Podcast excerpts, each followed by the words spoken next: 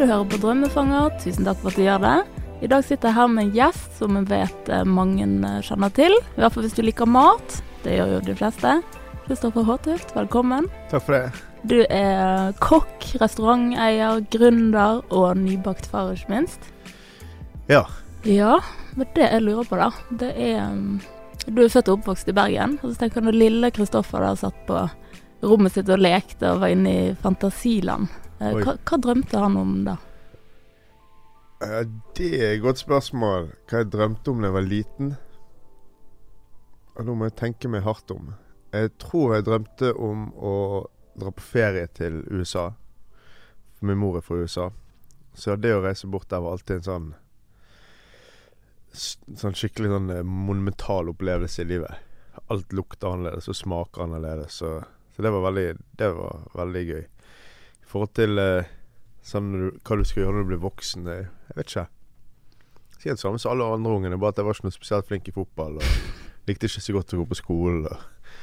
Så eh, Jeg har ikke Jeg, jeg, jeg har ikke jeg har liksom en tank, tenker kanskje at det er deprimerende å tenke på hva du ville bli når du var liten, og så ser man hvor man er i dag. jeg tror i hvert fall ikke det så for meg å være på kjøkkenet kjøkken i tolv timer for dagen. Men du kom deg til USA, da? He, ja da, ja da. Så var, har vært masse i USA. Ja, du har bodd i New York. Mm. Det skal vi komme tilbake til. Men um, ja, som nevnt, du har en lidenskap for mat, og det har jo blitt til en restaurant.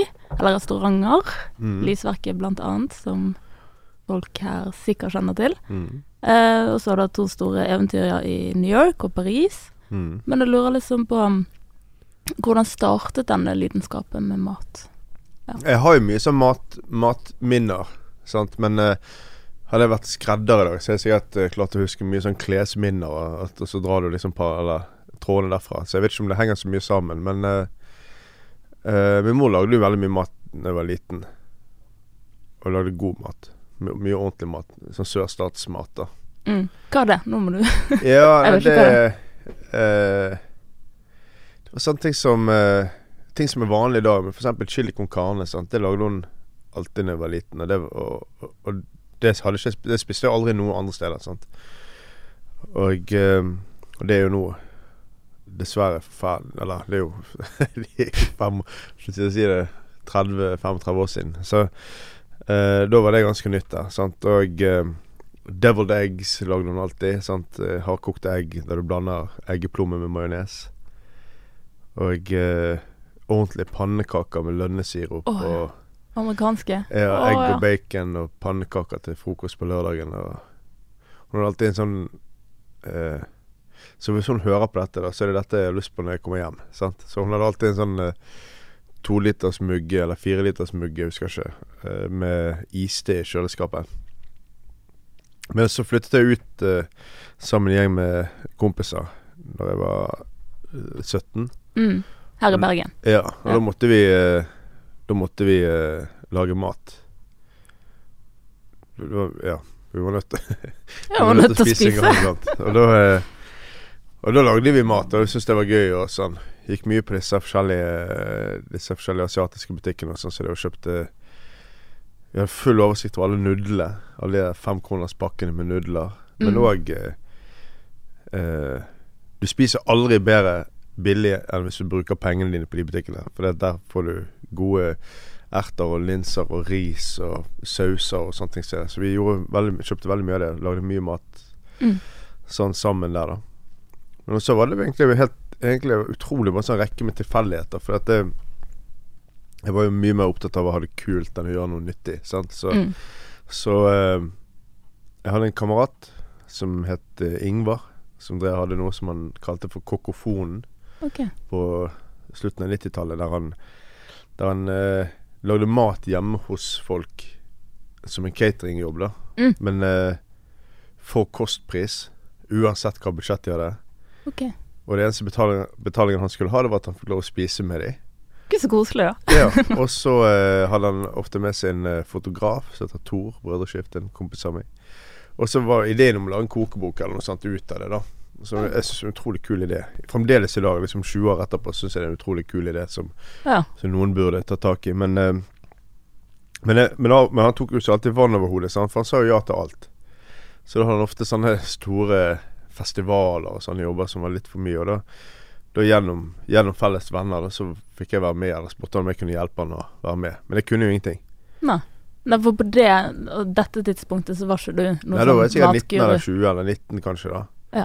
Så jeg bare syntes det var gøy, og så fikk jeg sikkert øl og sånn. Så det var enkel å be. Hadde få forpliktelser i livet. Uh, så, så var det veldig gøy. Og så gjorde Bergens Tidende kanskje den uh, dårligste redaksjonelle avgjørelsen de har gjort noensinne, og det var at de uh, lot meg skrive matartikler Oi. i lørdagsbilaget sitt. Og det var Det tror jeg rett og slett er fordi at Ingvar han, han- ble spurt først, og så ville ikke han. Så, så anbefalte han meg fordi at jeg hadde vunnet novellekonkurranse da jeg var 15. så da var, liksom, da var kriteriet fullt for at jeg var, kunne skrive, da. Men likte du å skrive òg? Ja, men jeg var jo helt elendig. Sant? Han er redaktøren. Han sa eh, Så i begynnelsen så var det bare cowboygreier. Sånn, bare sånn eh, Liksom eh, Jeg dekket over all usikkerheten med å tøffe meg i denne spalten, sant. Mm. For jeg skjønte jo at jeg ikke hadde peiling, men hvis jeg tøffet meg og liksom punker i denne matspalten, så var det greit. Mm. Og så skrev jeg noen år, og så sluttet jeg å skrive. Og så ville jeg begynne å skrive igjen. Og så for å liksom pitche det inn til BT, så skrev jeg et par artikler sånn Og da vil jeg være seriøs. Og da mener jeg han der eh, redaktøren sa noe sånn som at eh, Han sa et eller annet sånt som at Ja, du er, du er ikke akkurat Guds gave til journalistikken eller noe sånt. så så eh, Da tok han selvtilliten helt fra deg, da? eller? Nei. For, eh, for å ta den fra deg, så må du ha mye sjølinnsikt, sant. Så jeg tenkte bare sånn Han er jo en idiot, tenkte jeg. Så, Så bra, egentlig, da. ja.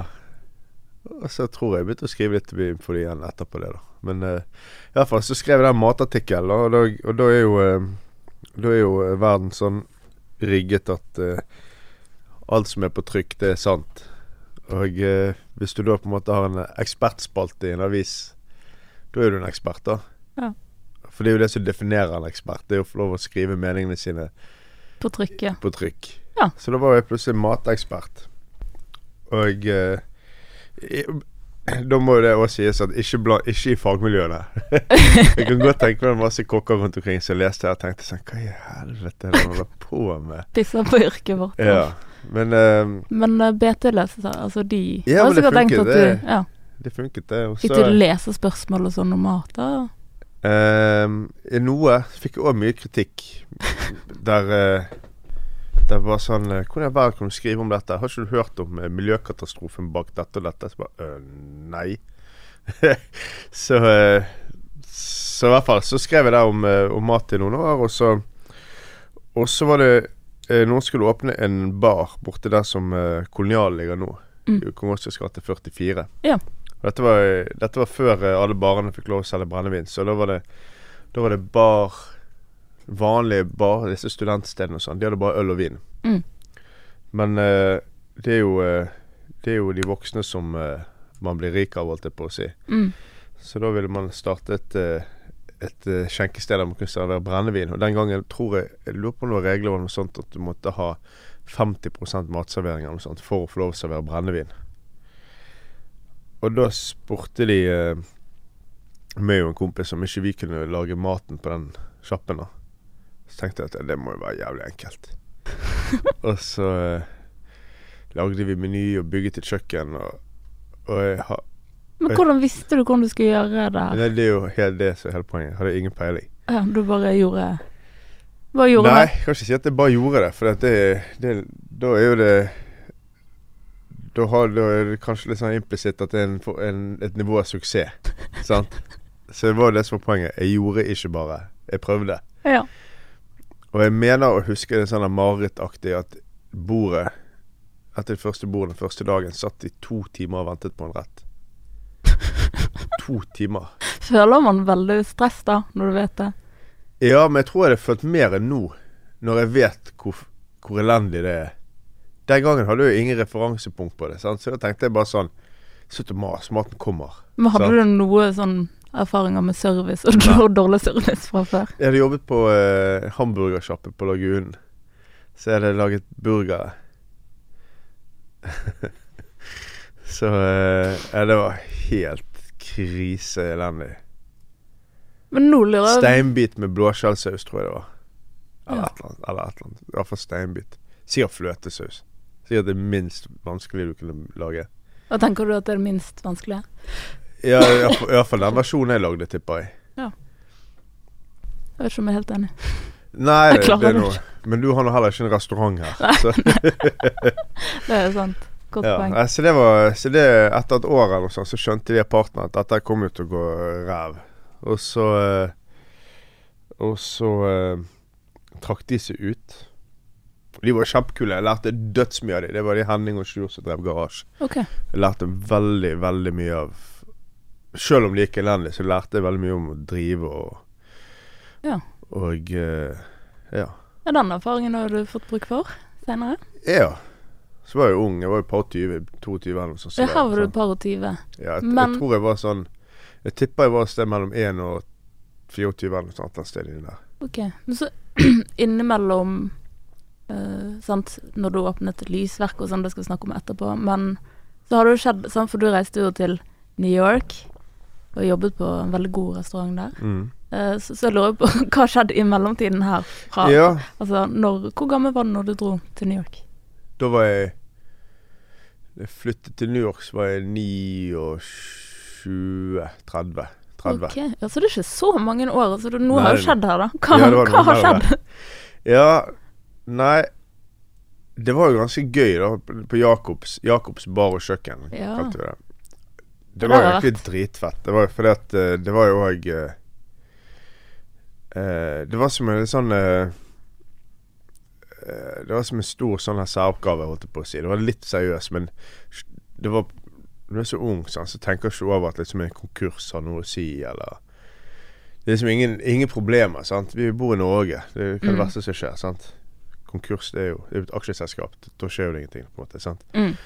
Så eh, eh, Og så var det veldig viktig å være mest mulig hardcore punker i samme perioden. Mm.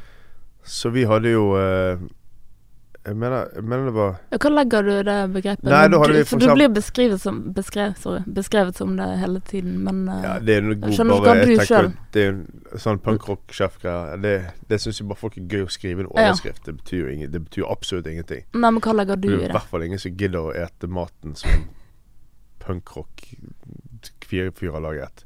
Så, men, eh, men den gangen der, så var det Da var det det, det, var det, det er jo alle vennene mine, sant. Det var det vi holdt på med. Og da så, så, vi, så vi hadde jo en DJ-kvelder DJ Mm. der det Der det handlet aller mest om å få lov å spille den musikken du sjøl syns var kulest.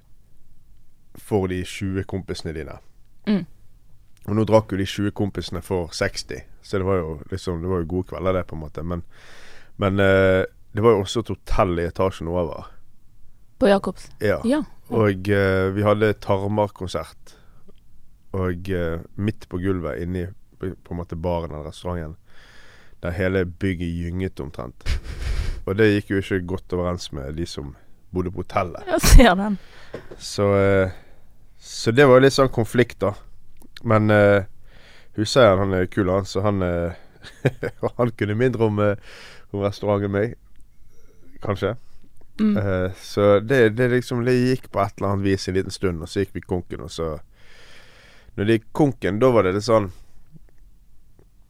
Da, da var Da, da var jeg et par og tyve Hvor gammel vet jeg ikke. La oss si jeg var 24, da. Mm. Da visste jeg ikke helt hva jeg skulle gjøre. Da, da jobbet jeg som uh, Satte opp sånn her partytelt. Og da hadde jeg truffet Anette, konen min. Ja. Så da jobbet vi sammen og sjauet telt og stoler og bord og bestikk og sånn som det. Ja. Og det var gøy. Det er en liten sommer, halvår. Og så kom eh, høsten og vinteren, og da, og da husker jeg at eh, Ja, det er jo ikke partyteltsesong, liksom. Nei. Og da jeg husker jeg ikke hvor gammel jeg var. Fem, si 5-26. Jeg sier det hele tiden, jeg husker ikke hvor gammel, men jeg var rundt sånn 5-26. Og, da, og da, da var da, var da måtte jeg ta et valg, sant? for da hadde jeg eh, ingen Jeg hadde gått på formgivningsfag, så jeg hadde for så vidt eh, blitt lært å tegne, men eh, ikke fått helt til. Jeg er fremdeles dritdårlig til å tegne etter to-tre år med liksom formgivning og kunstutdannelse. Jeg gikk et år på sånn kunstskole. Ja. Der ble jeg bedt om å slutte. For at, eh, for, ja, for Her i Bergen. Ja. Jeg hadde så mye fravær, og så, og så likte ikke jeg meg. Fordi, For, fordi at jeg syntes det var så rart med alle disse her Alle disse som flyttet til byen som streitinger, og så begynte de på kunstskole, og så skulle de gå rundt med maling i trynet for å vise at de var så space. Mm. Så jeg bare Jeg klarte ikke Jeg klarte ikke det. Og uh, i hvert fall Så da tenkte jeg sånn Da ringte en kompis så spurte han Du, trenger du en uh, dreng på grisegården din? Nå har jeg, lyst til å være grisebonde. Så sa han nei, det trenger ikke jeg. Så da fikk jeg ikke den jobben. Og det, det kan jeg for så vidt skjønne. Og så eh, Jeg vet jeg søkte om jobb som uh, flyvert. Ja. Det har jeg sagt noe Den, Ja, men, jeg eh, fikk ikke svar engang. Men, men du må ha noe utdanning for å være det? Eller noe kurs? Flyvert. Jeg har ikke peiling. Jeg tror det. Jeg tror ikke Dette man var jo bare kan Emirates, så det, at, eh, Ja, det hjelper jo sikkert å være pen kvinne. Og det er Det gjør det sikkert. Nei. så, det, så den fikk jeg ikke, den jobben. Og så eh, eh, Og så tenkte jeg i hvert fall sånn Ok, men jeg syns jo egentlig det er jævlig gøy å lage mat. Og så eh, var, ringte en venninne av meg, sånn Hanne Frostad, som jobbet oppe på eh, Oppe på eh, Hadde det, det het Hanne på Høyden Mm. før. Og nå jobber hun i, i fengselet. Fantastisk dame. I hvert fall. Hun er en uke i in, in, intervju her. Hun har Ja. masse interessante ting å melde. I hvert fall. Så. Så, eh, Takk. så spurte hun eh, om eh, Om jeg kunne begynne i lære og sånn. Og hun, er, hun, er, hun var veldig snill. Eller hun er veldig snill, så hun sa ja. Og da ble jeg seriøs. Så det er liksom litt sånn eh, Og da hadde du tatt et valg, skifte liksom? Ja, da har jeg Mm. tatt et valg. Og så tenkte jeg sånn OK, jeg er 26, og jeg skal begynne i en bransje der du ikke tjener noe penger. De fleste gir seg et par år etter jeg begynner. Eh, tjen, du Det er veldig lite Det er lite liksom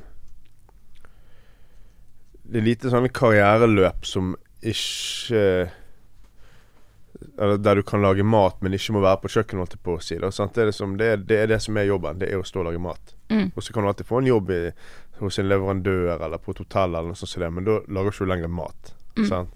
Og det var det viktige. Fall Nei. så tenkte jeg ok, hvis jeg skal gjøre det, eh, så må jeg gjøre det Så må jeg på en måte Da må jeg legge litt innsats i det, da. For hvis du er liksom en middelmådig kokk Hvis du er middelmådig i en middelmådig bransje, så eh, er det jo frustrerende å bo i Norge der Mm. du kan jobbe lite og tjene veldig godt i alle mulige andre bransjer. Så Pluss at jeg har vel egentlig Eller jeg skal ikke si at jeg aldri, aldri har vært redd for å jobbe. For at jeg har vært en ganske slaurete ansatt. Men hvis jeg jobber for meg sjøl, så går det i ett, liksom. Mm. For da jobber du for din drøm, Ja. eller dine ja. Ja. Jeg, jeg, kan, jeg kan vel strengt tatt si at jeg er ikke en sånn spesielt god ansatt, tror jeg. Nei. Um, men i hvert fall, så da, da var jeg veldig seriøs. Jeg lagde meg, lagde meg masse planer og, som jeg har for så vidt kanskje fulgt de aller fleste. Så det, Så det har vært litt liksom målrettet fra Ja, ja. 26, da? Målrettet Ja da, fra, jeg- fra jeg begynte i lære. Spennende. Så alt gått på en måte etter en plan. Fantastisk. Så tok Bank i bordet. Bank. Og så tok du turen til Nei, og så, og så tok Nei, jeg egentlig turen til Var en kjapp tur til Chicago og jobbet på en restaurant der. Men det var bare på måneder. Men det var første USA-flytt. Ja. Ja. Mm. Og da ville jo egentlig eh, være der lenger, men så Så eh, måtte jeg hjem og fikse en ankel. Ja. Og da, måtte, da kunne ikke jeg gå på en stund, eller jeg måtte gå på krykker en stund. Og, så det funket ikke så bra. Så da, da kunne jeg ikke dra tilbake igjen der. Men de som jeg traff der, på den restauranten, det var, en veldig, det var en restaurant som var Som er fremdeles veldig kjent, og Mm. en av, de, en av de helt klart beste i USA. Hva heter han? Den heter uh, Alinea. Okay. Alinea. Og når jeg var der, så var nok akkurat den, den tiden så var han kåret til beste restaurant i USA. Det var veldig sånn ungt, utro... Og det, den maten de lagde, ikke minst. Den maten de lagde var veldig progressiv. Det var utrolig Veldig nytt. Det var på en måte Det var de i USA, og så var det El Bull i Spania, og så et par liksom Fat Duck i England. Det var på en måte de tre som Mm. Som eh, Hvilken type mat? eh, Ja, det er litt sånn veldig sånn teknisk. Sånn eh, Du ser på tallerkenen, så skjønner du ingenting om hva det er, og så Mm. smaker du på det, så smaker det annerledes enn det du trodde det var. mm. Det er litt Også sånn å jeg er det opplevde det med godt. Jakobs egentlig når jeg har vært der, Ja, faktisk. ja nei, Det det, er var, mulig, det var men, eh, spenstig meny der òg. det er mulig, men det her, er, det her var mye mer eh, det, det, For det første så var det 20 kokker på kjøkkenet, sant. Mm. Og en 30-retters meny, og enormt mye teknikk, sant. De brukte mye på en måte laboratorieutstyr for å liksom trekke fram smaker som var vanskelig å finne ellers. Og, ja, veldig mye sånne rare ting, da. Stilig. Uh, ja. Og de folkene som jeg traff der, de var veldig unge og veldig, veldig ambis enormt ambisiøse. Og, og jobbet på en måte som Som jeg aldri hadde sett før. Du imponerte deg sjøl òg? ja, det var mer sånn at du tenkte I helvete, kan det være så Kan, kan det også være dette? Sant? Det var det. Liksom, jeg, jeg husker jeg sto og kuttet uh, korianderstilker i små terninger. Og det høres jo helt banalt ut, men Eller finkuttet korianderstilker, da. Mm. på et skjærebrett. Og når du står og kutter masse bitte små ting på skjærebrett, så detter gjerne av skjærebrettet og gjerne ned på gulvet. Hvis du skal gjøre veldig mye. Og kjøkkensjefen der, han kom bort og så, uten å si et ord, bare feiet opp liksom det, det som var rundt meg på gulvet, og gikk videre. Og da følte jeg meg helt idiot, sant. For da måtte liksom kjøkkensjefen rydde opp etter meg. Mm. Men det var, det var på en måte sånn i absolutt Absolutt alle ledd av hele restauranten. Oppvaskerne Når de Alt var vasket for hånd. Så når de vasket grytene, så var de skinnende rein som helt nye.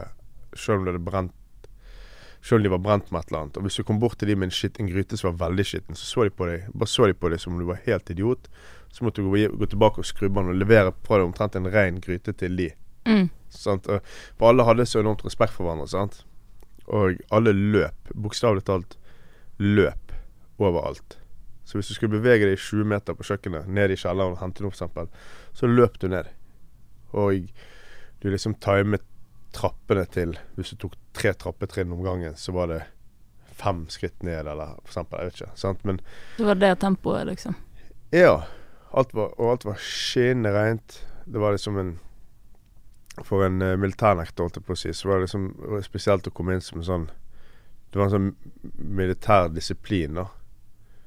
Men det var forståelig. Det var ikke sånn at uh, Det var ikke sånn at du Så når du er liten og du får bli disiplinert så liten, så skjønner du ingenting og syns du er helt idiot. Sant? Her var det sånn ja, hvis, du, hvis dette er en dårlig måte å gjøre på, dette er en god måte å gjøre på, da gjør du det på den måten. Sant? Og hvis du må få to beskjeder om det, så har ikke du fulgt med. Så du følger med hele tiden. Mm. Sant? Så, så det var helt sånn livsforandrende, den opplevelsen der. 100 Bare Hva vil du si den største endringen, eller hvordan ble du endret som person da, av å være der? Um, du skjønner Du skjønner hvor Det å skjønne hvor bra noe kan være, da. Og vite at de referansene du har med deg fra før av, ikke er verden Eller de er ingenting. Det er veldig Det er Det er veldig spesielt. Hvis du, hvis du liksom kommer fra et sted der du tror at eh, det, det du har sett i hjembyen din, er liksom det beste i verden. Mm. Går du et annet sted, så ser du bare at nivået er så enormt mye høyere. Og det er oppnåelig, på en måte, da. Mm. Og så skjønner du på en måte Og kanskje det å skjønne litt hva Hva som skal til for å nå det. Det er jo det som forandrer det, på en måte. Mm. Sant? Og det så vi i, Det så vi for så vidt i Paris, men i hvert fall tilbake igjen i New York. Sånn, så, så det er For jo da hadde du havnet Da hadde du hatt en tur hjemom i Bergen, og så Ja, så da, da flyttet jeg hjem igjen til Bergen, og så Etter Chicago flyttet jeg hjem igjen til Bergen, og da var han Da var han, eh, han kameraten min, Seide Jacobs, han ville åpne opp igjen. Sant? Etter vi hadde gått konken og stengt sjappen, så ville han åpne opp igjen, for han hadde jo fremdeles hotellet der. Og da spurte han meg om eh, Om jeg kunne eh, hjelpe han Bare hjelpe han i gang, da. Og da var det Da ville han ha da ville han ha, prøve å ansette en kokk, men det var ingen som ville jobbe. De ville jobbe der. Så sa jeg OK, jeg kan hjelpe deg litt i gang, sa jeg. Og så etter det så ringte rett etter det så ringte to kompiser av meg. Og det fremdeles så mener jeg at det er sikkert de to beste kokkene i byen. Men det var Petter Beyer og Øystein Næss. Ja. De ringte meg og spurte om, eh, om jeg hadde jobb til dem. Om, jeg, om de kunne få komme og, om, og jobbe eh, Om vi kunne jobbe sammen. da Mm. Så sa jeg, sa jeg ja, og så etter jeg hadde sagt ja, så ringte jeg til han Erik Seide, så sa jeg, Erik Seide Jakob. Så sa jeg du, eh, nå er det forandret. Jeg har ansatt, eh, ansatt noen flere. Så nå, eh, nå blir vi værende litt, og så setter vi nivået mye høyere enn det som opprinnelig plant, ble planlagt. For at vi Mm. hadde så flinke folk med oss. Og det ble jo den Jakob som folk eh, kjenner til i dag. Ja. Det så, og det var jo litt sånn toneangivende, tror jeg, den gangen. Sant? At eh, bill, relativt billig bistromat, men med lokale råvarer og litt sånn røft, eh, rockete. Mm. natur og vind Det var jo ikke så mye naturvin i byen på den tiden. Nei, da dere var tidlig ute, da. Ja. Og så var det gøy. Men jeg er jo som sagt en jævlig dårlig ansatt, så jeg var jo der. Jeg var ikke der så lenge. Ja. Så da flyttet vi til Paris etterpå. Og så um, Jeg tror hvis vi skal rekke gjennom alt, så må jeg Ja. spole litt, da. ja, Men um, når du på en måte hadde vært der, har du hatt liksom eventyret ditt i Paris og i New York, men på et Mm. eller annet tidspunkt så har du da returnert til Bergen fordi at du hadde en drøm om å starte din egen restaurant. Ja. Uh, og det var vel i 2013 du startet Lysverket Ja. eh, Ja. sammen med Sammen med mm, Fredrik Sorea. Ja. Sa- Sa- Saurea. ja. Sa det riktig? ja. Ja. Um, ja, og det er jo et veldig stort steg, en stor drøm. Og jeg lurer på når um, uh, Og jeg tenker at du kanskje har hatt den drømmen en stund, men når innså du på en måte at det var realistisk At, at det var realistisk å åpne for seg sjøl, da? Ja, så når jeg var i New York, så var det veldig mye av de, de jobbet med der, de ville jo Eller alle som er der, vil jo ha Som jeg jobbet med der. Jobbet, de var jo på, veld, på veldig, veldig ambisiøse restauranter. Og de Så alle som jobber der, vil jo noe sted videre. Og de fleste var amerikanere, og da åpner man i USA. Og så så jeg hvor enormt vanskelig det er for de Med husleie og regler og advokater og alt mulig. Og eh, det er enormt dyrt. Så jeg har alltid tenkt at eh, Og jeg elsker å bo i Bergen, så jeg har alltid tenkt at jeg vil tilbake til Bergen. Så sjøl når jeg var der, så visste jeg at det var for kort tid, og at jeg vil hjem igjen til Bergen og åpne noe. Og så var det egentlig utrolig tilfeldig at det gikk så fort som det gjorde. For vi kom hjem jul 2012. Og en eller annen gang på januar eller noe sånt, så fikk jeg høre av noen på byen at, at sånn eh, Du, Fredrik eh, driver og leter etter deg. så jeg, kanskje bare ringe meg, da. Men i hvert fall. Så fant, traff jeg han på en bar, og så sier han du, jeg har prosjekt på gang bortpå uh, Lysverket. Og da var det han og uh, Han og, og, og to andre, da, Joar og Stein, som hadde gått i gang med å planlegge dette. Og så, så fikk jeg med meg uh, Dag Stian, som var på Lucullus før. Og så gikk vi fem sammen og åpnet eh, Lysverket. Og i mars, jeg lurer på om det var 3. mars, så hadde vi fått eh, nøkkel til bygget og signert. Og juni, 10. juni tror jeg det var, var vi åpen. Så det gikk enormt fort. Tror du det er fordi at alle var så giret på en måte på å få dette til å skje? Ja, og eh, eh, Så en blanding. Fordi vi hadde null forståelse av hva det faktisk kostet. Så vi, vi sa til alle leverandørene Ja, det går fint, det. Det går fint, det. Og så eh, hadde vi heldigvis enormt med omsetning i begynnelsen, så vi fikk på en måte klare å betale Vi fikk betalt regningene våre og sånne ting som det. Men vi tapte en enorm sum penger fordi at vi hadde ingen kontroll på kostnader og sånne ting som det. Men eh, så hadde vi visst alle de tingene, så hadde vi kanskje vært mer forsiktige. Men, men da hadde vi heller kanskje ikke kommet i gang. Sånn, så eh, Så vi har hatt flaks, da. At det var liksom en god dose naivitet. Men forhåpentligvis da kanskje da et produkt som var bra, bra nok, da. Sånn at det var faktisk liv i det. Mm. Men uh, vi visste nok ikke helt hva det faktisk innebar å åpne. Nei. Da har jo du kommet hit, og da har du ganske mye erfaring i, i ryggsekken allerede. Ja. Så jeg tenker, på dette tidspunktet i livet ditt, hvordan definerer du suksess da? Nå? Mm, nei, da. Altså rundt den lysverket-åpningstiden. Ja, sånn ja. Hvordan, hvordan, hvordan definerer jeg suksess rundt åpningen av lysverket? Uh, ja, nei, vi ville jo være uh, vi, vi definerte det faktisk. Jeg har alltid sagt at jeg vil at Lysverket skal være et sted folk i Bergen skal være stolt av å ha i Bergen. Det er suksessen. Mm. For hvis de er det, så kommer, da kommer jo òg gjestene. Og hvis gjestene kommer, og du er flink å drive, så tjener du penger, og da holder du liv i butikken. Mm. Så det aller viktigste er at folk er stolt av å ha oss her. Mm. At folk har lyst til å vise til vennene sine, og folk har lyst til å gi de gave til folk de er glad i. Liksom, hvis folk gir Mm. lysverket i gave til noen de er glad i, Da blir du glad. da, ja, da er det på en måte Da har du noe som har verdi for folk, sant. Mm. Men hvis det bare er deilig mat, Mm. og det ikke er spesielt koselig, eller det er deilig mat, men altfor dyrt, eller kjempebillig, men ikke så fullt så god mat, eller alle Mm. hvis, det, hvis det ikke du har alt, da, så eh, så treffer du ikke på det. da Så det er jo mer suksessen. Så er det mye sånn guider og sånne her kåringer og alt mulig sånn Ja. som er eh, Og liksom en sånn kvantifisering av suksess, da. Mm. Eh, Da går du på stjernene. Eh, ja, blant annet. Men det er jo Mm. mange mer enn det. sant? Det er jo sånn der eh, 50 beste restauranter i verden, og så er det White Guide, og så er det Mm. VGB, BT, Dagbladet, DN. Mm. Mat. Og så har du TripAdvisor, du har Facebook sine anmeldelser, du har Google sine anmeldelser, Ja. du har hvor mange Instagram-følgere du har. Det er så enormt mye. Ja. Og da ja. Hvor viktig lar dere liksom sånne andre sine meninger bli for dere? Nei, jeg prøver jo Jeg prøver jo Jeg har jo lyst til å være en av de kule da som driter i det. sant? Jeg har lyst til å være han der musikeren som lager musikk for seg sjøl. men uh, Men jeg er jo uh, Jeg er jo avhengig av at gjestene kommer, da. Mm.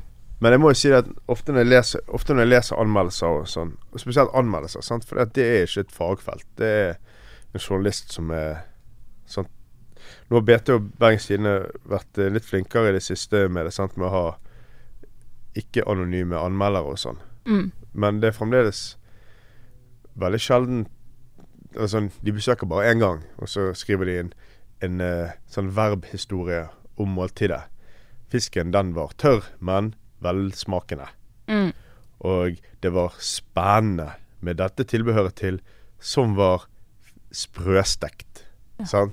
Det er veldig lite sånn lite dybdekunnskap, og de går ikke tilbake flere ganger og sier det at denne retten har forandret seg de fire gangene, de fire gangene i siste jeg spiste, så var denne retten forandret for hver gang. Mm. Sånn? Men det gjør de andre aviser, store aviser i utlandet og sånn. Mm. Men da er det kanskje fagfolk som har de Ja, eller jobbene? de, eller? ja, eller at de, de bare De har litt andre parametere. da De tar det Mm. litt mer på Litt mer høytidelig. Sant? Mm. Så når jeg leser sånne, så tenker jeg bare sånn at det er støy. At det bare det er frustrerende. Sant? Fordi at jeg leser noe, så er det, er det faktafeil, f.eks., eller sånne ting. Og så tenker jeg sånn jeg, bare, jeg vet at dårlige anmeldelser, det glemmer folk. Og gode anmeldelser, det treffer kanskje nok folk til at det påvirker. Men det, det er ikke så mye som påvirker lenger, føler jeg. For dette er så mye. Mm. Hvis du leser en anmeldelse, Mm.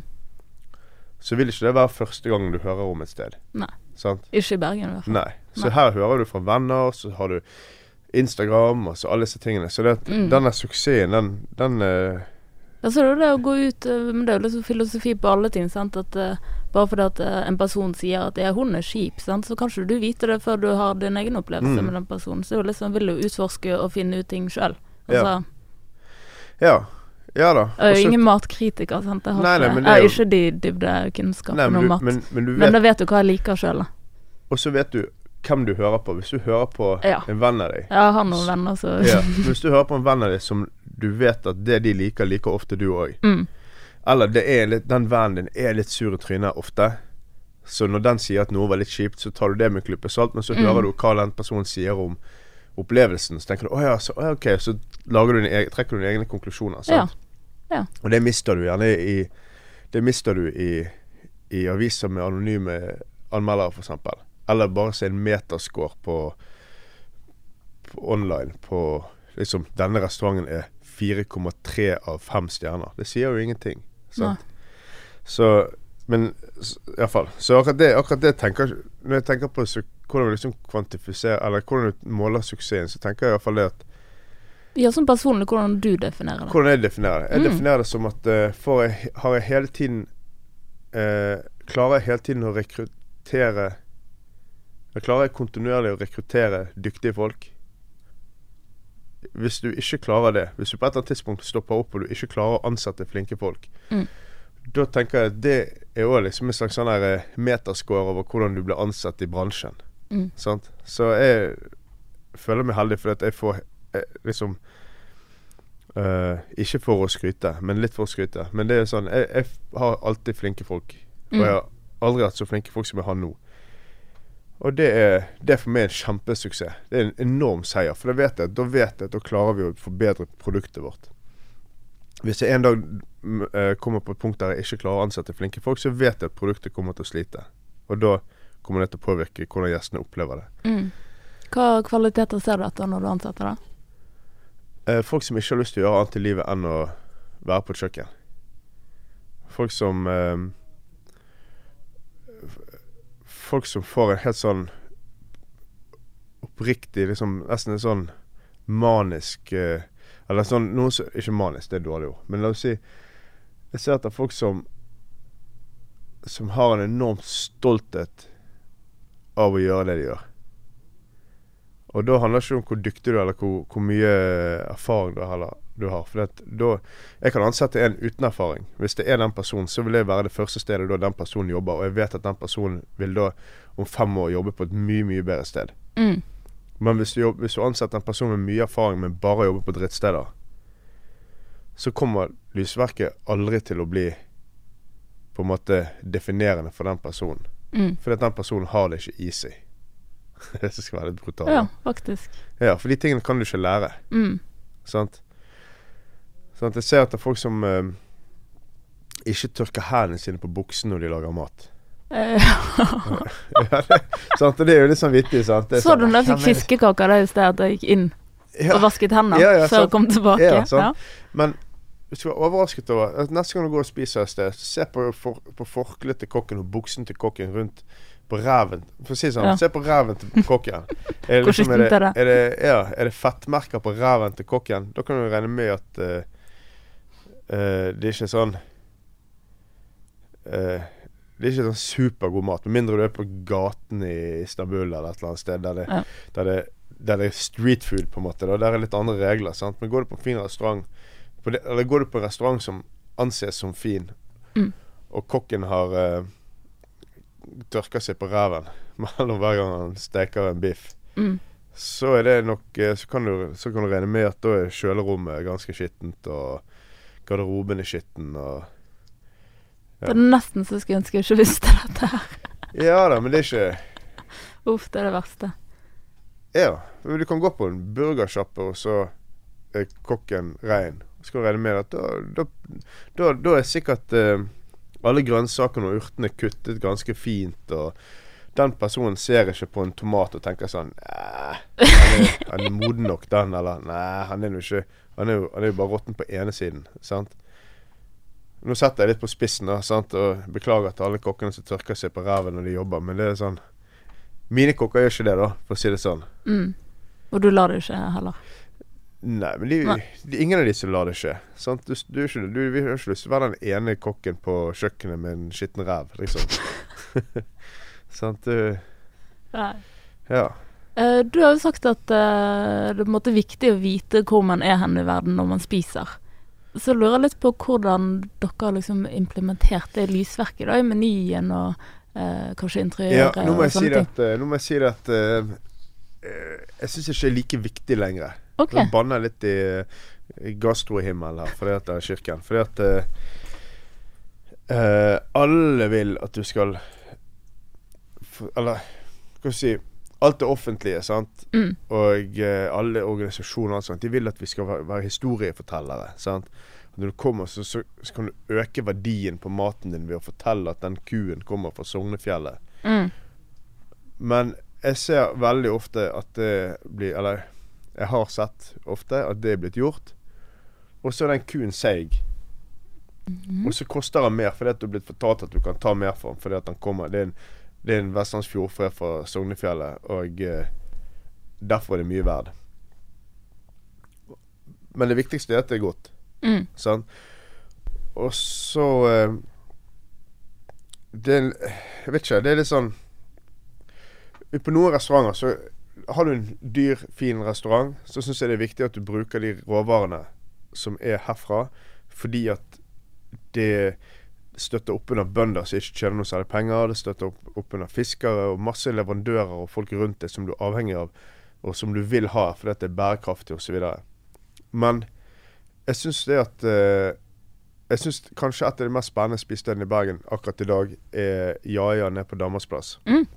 Og Keng, han som er kjøkkensjef der, han er, han er hardcore bergenser, men familien, han, familien hans er vietnamesere. Og den maten som du er der, den maten som du spiser der, den kunne du spist i Paris eller London eller hvor som helst i verden, kanskje. Mm. Så det er ingenting med den maten som sier at nå er du i Bergen. Men jeg syns jo det har Det kan ha enorm verdi for Bergen og for leverandøren og alt det der. Fordi at han bruker fremdeles liksom sjøkreps fra Øygarden. Mm. Sant? Og kylling fra humlegarden og. Ja, så det er lokale råvarer. Ja, men han Ja. bruker jo mye disse, disse asiatiske butikkene. Sant? For de er jo også i Bergen. Sant? Så på Lysverket eksempel bruker vi Global Food rett Mm. over veien. For Ja. jeg syns det er den beste matbutikken i Bergen. Ja. Den og Reindyrka. Det de to beste matbutikkene i Bergen. Og Takk for tips. ja, og de som driver den, de har jeg handlet mat av i 20 år. Og de har en liten butikk som der de importerer alt mulig godt fra hele verden. Og det har gjort til at folk i Bergen spiser mye bedre. Og det er en, måte, en måte førstegenerasjons innvandrere klarer å lage en, en god bedrift på og, og sånne ting. Så, så, hvis du skal på en måte si at eh, at den lokalmaten trumfer alt, så mener jeg det er feil. da. Jeg mener det at vi er, vi er, vi er en eh, Norges nest største by, selv om man er liten, så er det en urban by. Mm. Og maten her kan reflektere det, syns jeg. Så det betyr, ikke at, det betyr ikke at jeg er imot eller uenig med verdien av lokalmat, men jeg bare syns at det blir litt for snevert. da. Og jeg syns at uh, Jeg lurer på da f.eks. skal da Keng ikke løftes frem under Bergen matfestival eller fra kommunen eller noe sånt, så det er fordi at maten hans ikke snakker om vestlandsfjordfe? Jeg syns det er feil. Det, det, er- eller jeg syns ikke det er feil, det er feil. For han er en god ut... Han er en god em, utøver av lokalmat, da. Eller av, av mat lokalt, for å si det sånn. Mm. Det var godt sagt. Um, jeg tenkte litt på Du har jo nylig blitt pappa, og Ja. som alle som har hørt på nå, skjønner, sant, du jobber mye. Så da på denne work-life-balancen, liksom. Hvordan, eh, hvordan går det med den? Uh, ja, Får du noe det er et godt spørsmål. Ja, hvordan har det endret seg, liksom? Hvordan endret seg? Nei, det har Mm. endret seg med at uh, uh, det er vanskeligere å være uh, narsissist. Sant? At det er Der jeg så langt i livet har satt meg sjøl fremst, så akkurat nå så er det vanskelig å sette meg sjøl fremst. Mm. Uh, så det er jo sånn det er. Og så uh, syns jeg det er utrolig fett å være med Haldor, som han heter. Mm. Uh, men jeg har jo, føler jeg et enormt ansvar for Jeg har jo veldig mange ansatte. Eller forholdsvis mange ansatte Mm. på en restaurant eller et par restauranter. Og eh, Så jeg kan ikke velge vekk å jobbe mindre. Jeg kan ikke bare si ja, nå skal jeg jobbe mindre. Fordi at eh, jeg har faktisk stykke arbeid som må gjøres.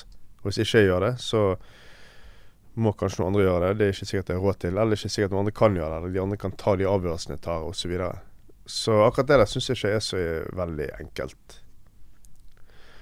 Så eh, jeg, jeg prøver på en måte å Jeg prøver å finne tid hver dag, men det er vanskelig sånn for min kone, for det er ikke så forutsigbart. Så jeg kan ikke si at neste uke skal jeg komme hjem hver dag klokken fem. Mm. Fordi at klokken halv fem så skjer det kanskje et eller annet som jeg må deale med Mm. som jeg ikke kan slippe. sant? Så, men jeg jobber jo veldig Jeg må jo si det at eh, Så da De siste eh, ti årene, 15 årene, så har jeg jobbet veldig målrettet mot noe. sant? Og jeg tenker fremdeles Jeg tenker liksom at jeg har fem år igjen med hardcore 12-15 timers dager for å komme opp på et nivå der jeg kan ha normale dager. Det er det jeg ser for meg. Mm.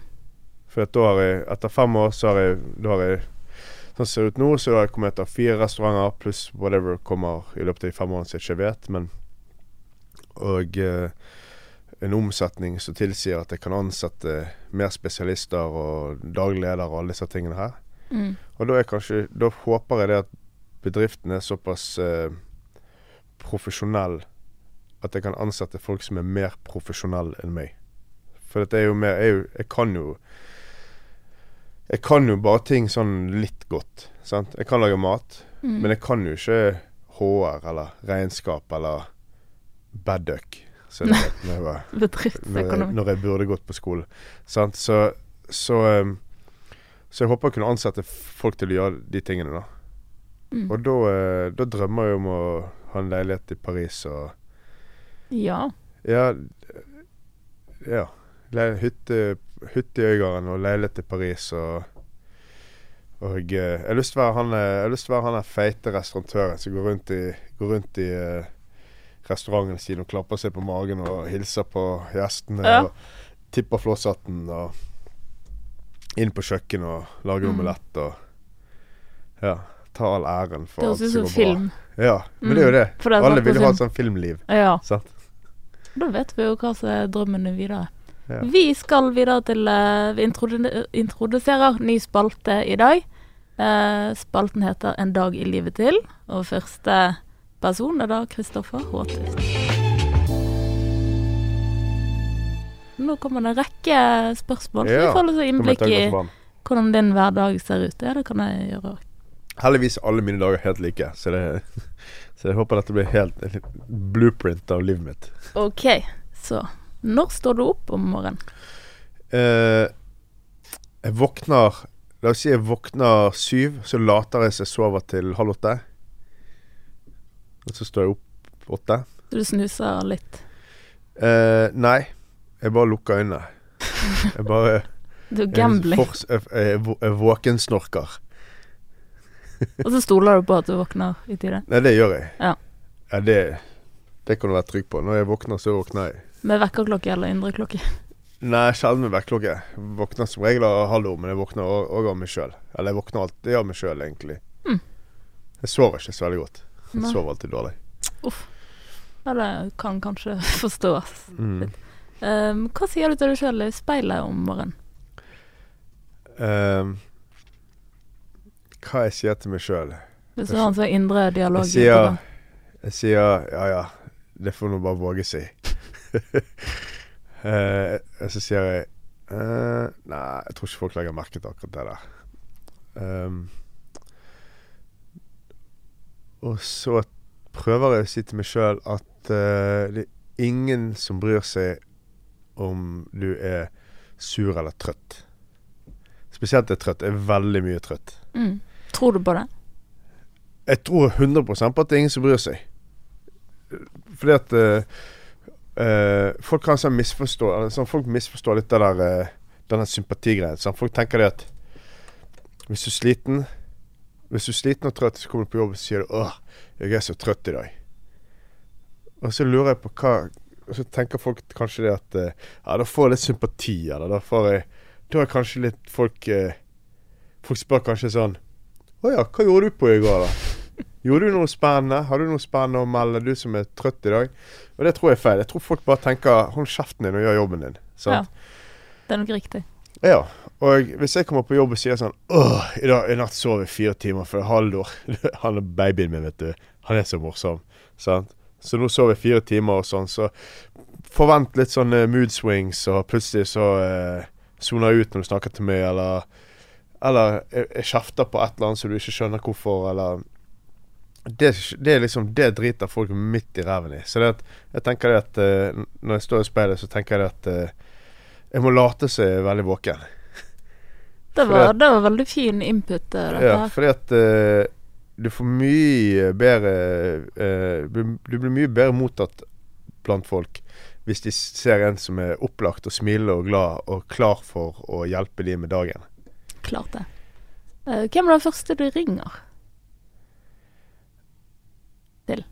Uh, det skal jeg love deg er ingen. Fordi at uh, Spørsmålet er heller hvem er de tre første jeg lar være å svare telefonen til okay. når jeg ringer. Ja, du skal få ta den. Nei, det vet ikke jeg hvem er. Men uh, ja, det er min mor.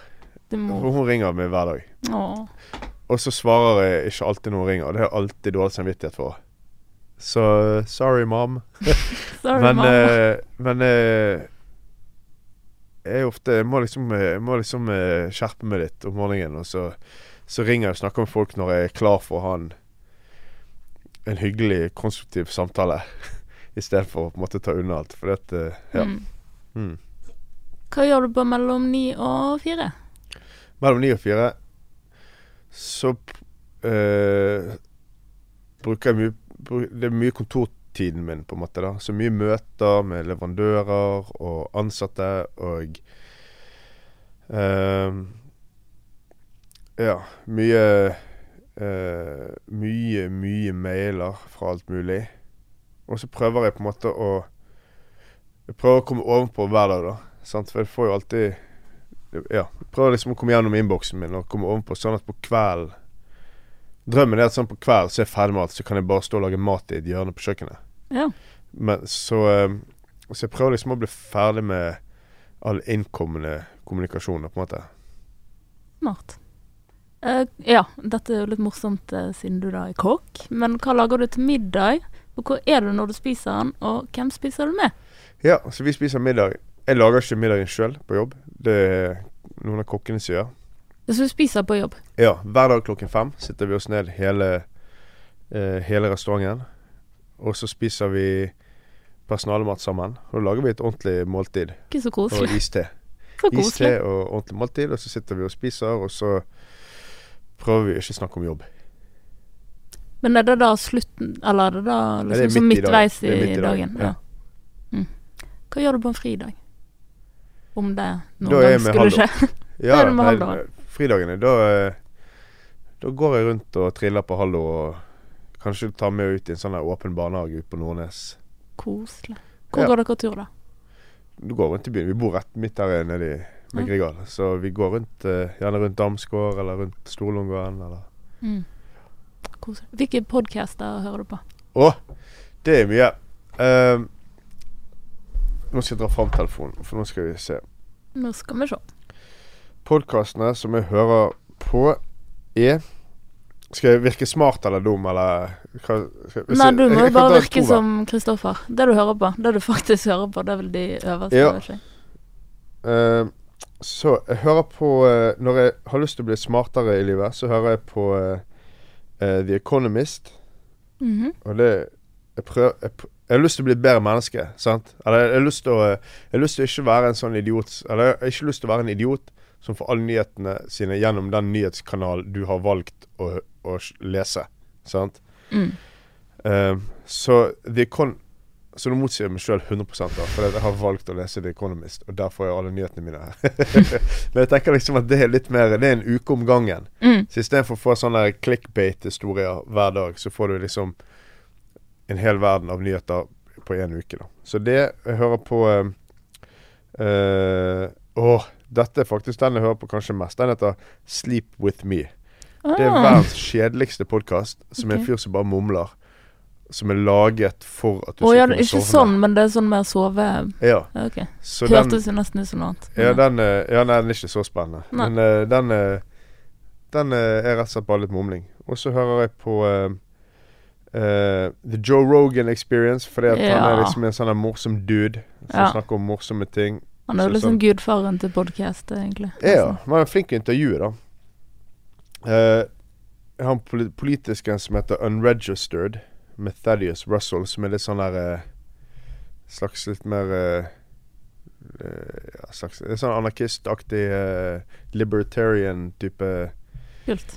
histori Mye historie, da. Og så ser jeg liksom moderne politikk opp mot historie fra sånn, et litt mer sånn anarkosynspunkt. Hmm. Um, ja. Det er vel egentlig også masse, masse kjedelige jobbting, egentlig. Da fikk vi litt tips. Ha, ja, jeg har et kjempegodt tips. Ja. Havpodden fra Havpodden. Havforskningsinstituttet. Ja, den har jeg hørt sånn um, Altså, de har hatt annonser i en annen Ja, da må jeg si det en gang til. Havpodden. Havpodden. Ja. Jeg har egentlig bare hørt en halv uh, podkast med de, men alle bør følge Havforskningsinstituttet på Facebook. For de har verdens beste sånn her eh, un undervannskameraer med, med så de, så de, gans, de er liksom nerder, sant. Ja. Men, men jævlig kule folk. Mm. Og utro, det de holder på med, er utrolig interessant. Utrolig relevant for oss i Bergen. Mm. Og, eh, og de er liksom veldig fremoverlente, da. Så jeg digger Havforskningsinstituttet. Så alt de har av sosiale medier, det bør du følge. Fantastisk. Shout-out til de. Ja. Um, hvilket lesestoff ligger og venter på nattbordet? Om du har Ingenting. Ingenting? Nei. Du tar det digitalt? jeg får ikke til å lese. Nei. Jeg, sov, jeg, jeg sovner bare alltid Jeg klarer ikke å konsentrere meg om, Nei. Så det, jeg, jeg, hører på mye pod, eh, sånne lydbøker, da. Mm. Så jeg har metervis med kokebøker, så det leser jeg hver dag når jeg er våken. Oi. Men når jeg skal legge meg, så eh, Så trenger jeg lyd for å Mm. Jeg vet ikke, jeg har ikke helt fått det til de Ja, for du sover jo dårlig. Ja. Ja, da vet vi det. ja. Ja. Da var den eh, spalten der finito. Håper dere likte den. Fikk litt innblikk i litt av uh, hverdagen til Kristoffer. Utrolig spennende livet til Kristoffer Ja. Råtøft. ja, det går jo så det dundrer, da. Ja, det. Ja. Så tenkte jeg Vi nærmer oss jul. Så satt jeg liksom i går kveld og tenkte litt sånn Ja, hva skal jeg snakke med deg om, og sånn. Og så eh, tenkte jeg sånn Hvis jeg var på julemiddag Altså, jeg tror jeg hadde vært litt sånn nervøs, kanskje, for å ha det som gjest. Ja. Jeg vet Det ikke bra. hvordan, jeg vet ikke Hvis hvordan alle- du er som Jo da, nei, det er bra at alle er nervøse for å ha med seg gjest. For da, Ja, da, er legger, da legger folk litt mer sjel i matlaget. Da får jeg bedre mat når jeg besøker folk. Ja, det. Så alle vennene mine som er med, de må vite det at det er ganske kritisk. mm. Og hvis ikke de lager jævlig god mat, så eh, Og da det er dårlig stemte egentlig den antakelsen ganske godt. Ja, for det ble det sånn Oi, det tror ikke jeg hadde turt, egentlig. Nei, jeg, Men, tror, jeg jeg tror det Men når du spiser julemat, så er det du, eller er det noen andre i familien? Nei, jeg liker jo Nei, så det er jo selvfølgelig kødd. Jeg er jo ikke noe jo ikke noe jeg, du, kan, ikke- du kan ikke være Du kan ikke invitere folk til middag hver dag og så til, samtidig være en dårlig gjest. Nei. Så det må jo være en god gjest. Nei, Jeg tenkte ikke at du var en dårlig gjest, men at du sant, innvendig lager deg noen tanker om den ja, maten nei, du det er spiser. klart det, det, det er klart det gjør. Men eh, Men jeg må jo si det at eh, 99 så, tenk, så syns jeg det var utrolig deilig å komme hjem til folk og slippe å lage mat. Ja. Og når jeg inviterer folk på middag, så elsker jeg å lage maten. Så jeg Når vi har gjester, og det har jeg alltid gjort, egentlig, sånn, men når, har, når vi skal ha selskap og, eller middagsbesøk eller fest eller whatever, så syns jeg alltid det er gøyest å, å lage maten. Sant? Å være på kjøkkenet. Og så står jeg gjerne på kjøkkenet og drikker vin med Mm. noen venner, liksom. Men Ja, og så henger de rundt og ja, for det, det er liksom Jeg tenker at uh, det er jo litt sånn jobben min, det er jo å lage maten, sant. mm. Og jeg, jeg, jeg må jo si at jeg syns jo det er Det er jo det gøyeste jeg vet. Av alt jeg gjør, så er jo det å lage mat Det er jo det Det er jo det jeg får mest glede av i livet. Av absolutt alt. Det er fantastisk at det er jobben din, da. Ja, det er jo ikke tilfeldig at det er jobben min. Det er jo fordi at når du er liksom Her er jo vi så heldige at uh, du kan bare velge hva du vil gjøre i livet. Mm. Sant? Og jeg tenkte ja, det er jo dødsfett å lage mat. På tross av at det er dårlig lønn og alle de tingene der. Sant? Så jeg syns jo det er utrolig gøy. Fremdeles. Og jeg tenker jo bare at det skal bli gøyere og gøyere jo mer fritid jeg får, og jo Mm. mer trøfler jeg har råd til å kjøpe. Trøfler godt, og trøffelolje. Mm. Uh, ja, egentlig nå er på slutten her, så hva ønsker du å si til andre som sitter inne? Det er derfor vi har denne episoden. Det er Ja. mange som drømmer om å uh, både bli kokk, men òg liksom ha sin egen restaurant. Da. Hva vil du si til de?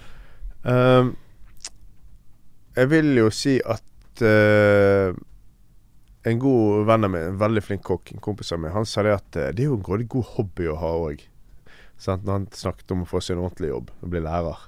Så jeg kan jo alltid bare lage mat som en hobby. Sant? Mm. Så uh, uh, jeg ville jo sagt at uh, du skal være ganske spesielt rigget for å ikke synes at det er kjipt å jobbe lørdager resten av livet. Sant? Jeg elsker å jobbe. Liksom i, I frykt av å høres ut som Petter Stordal som elsker mandager, holdt jeg på å si. Sant?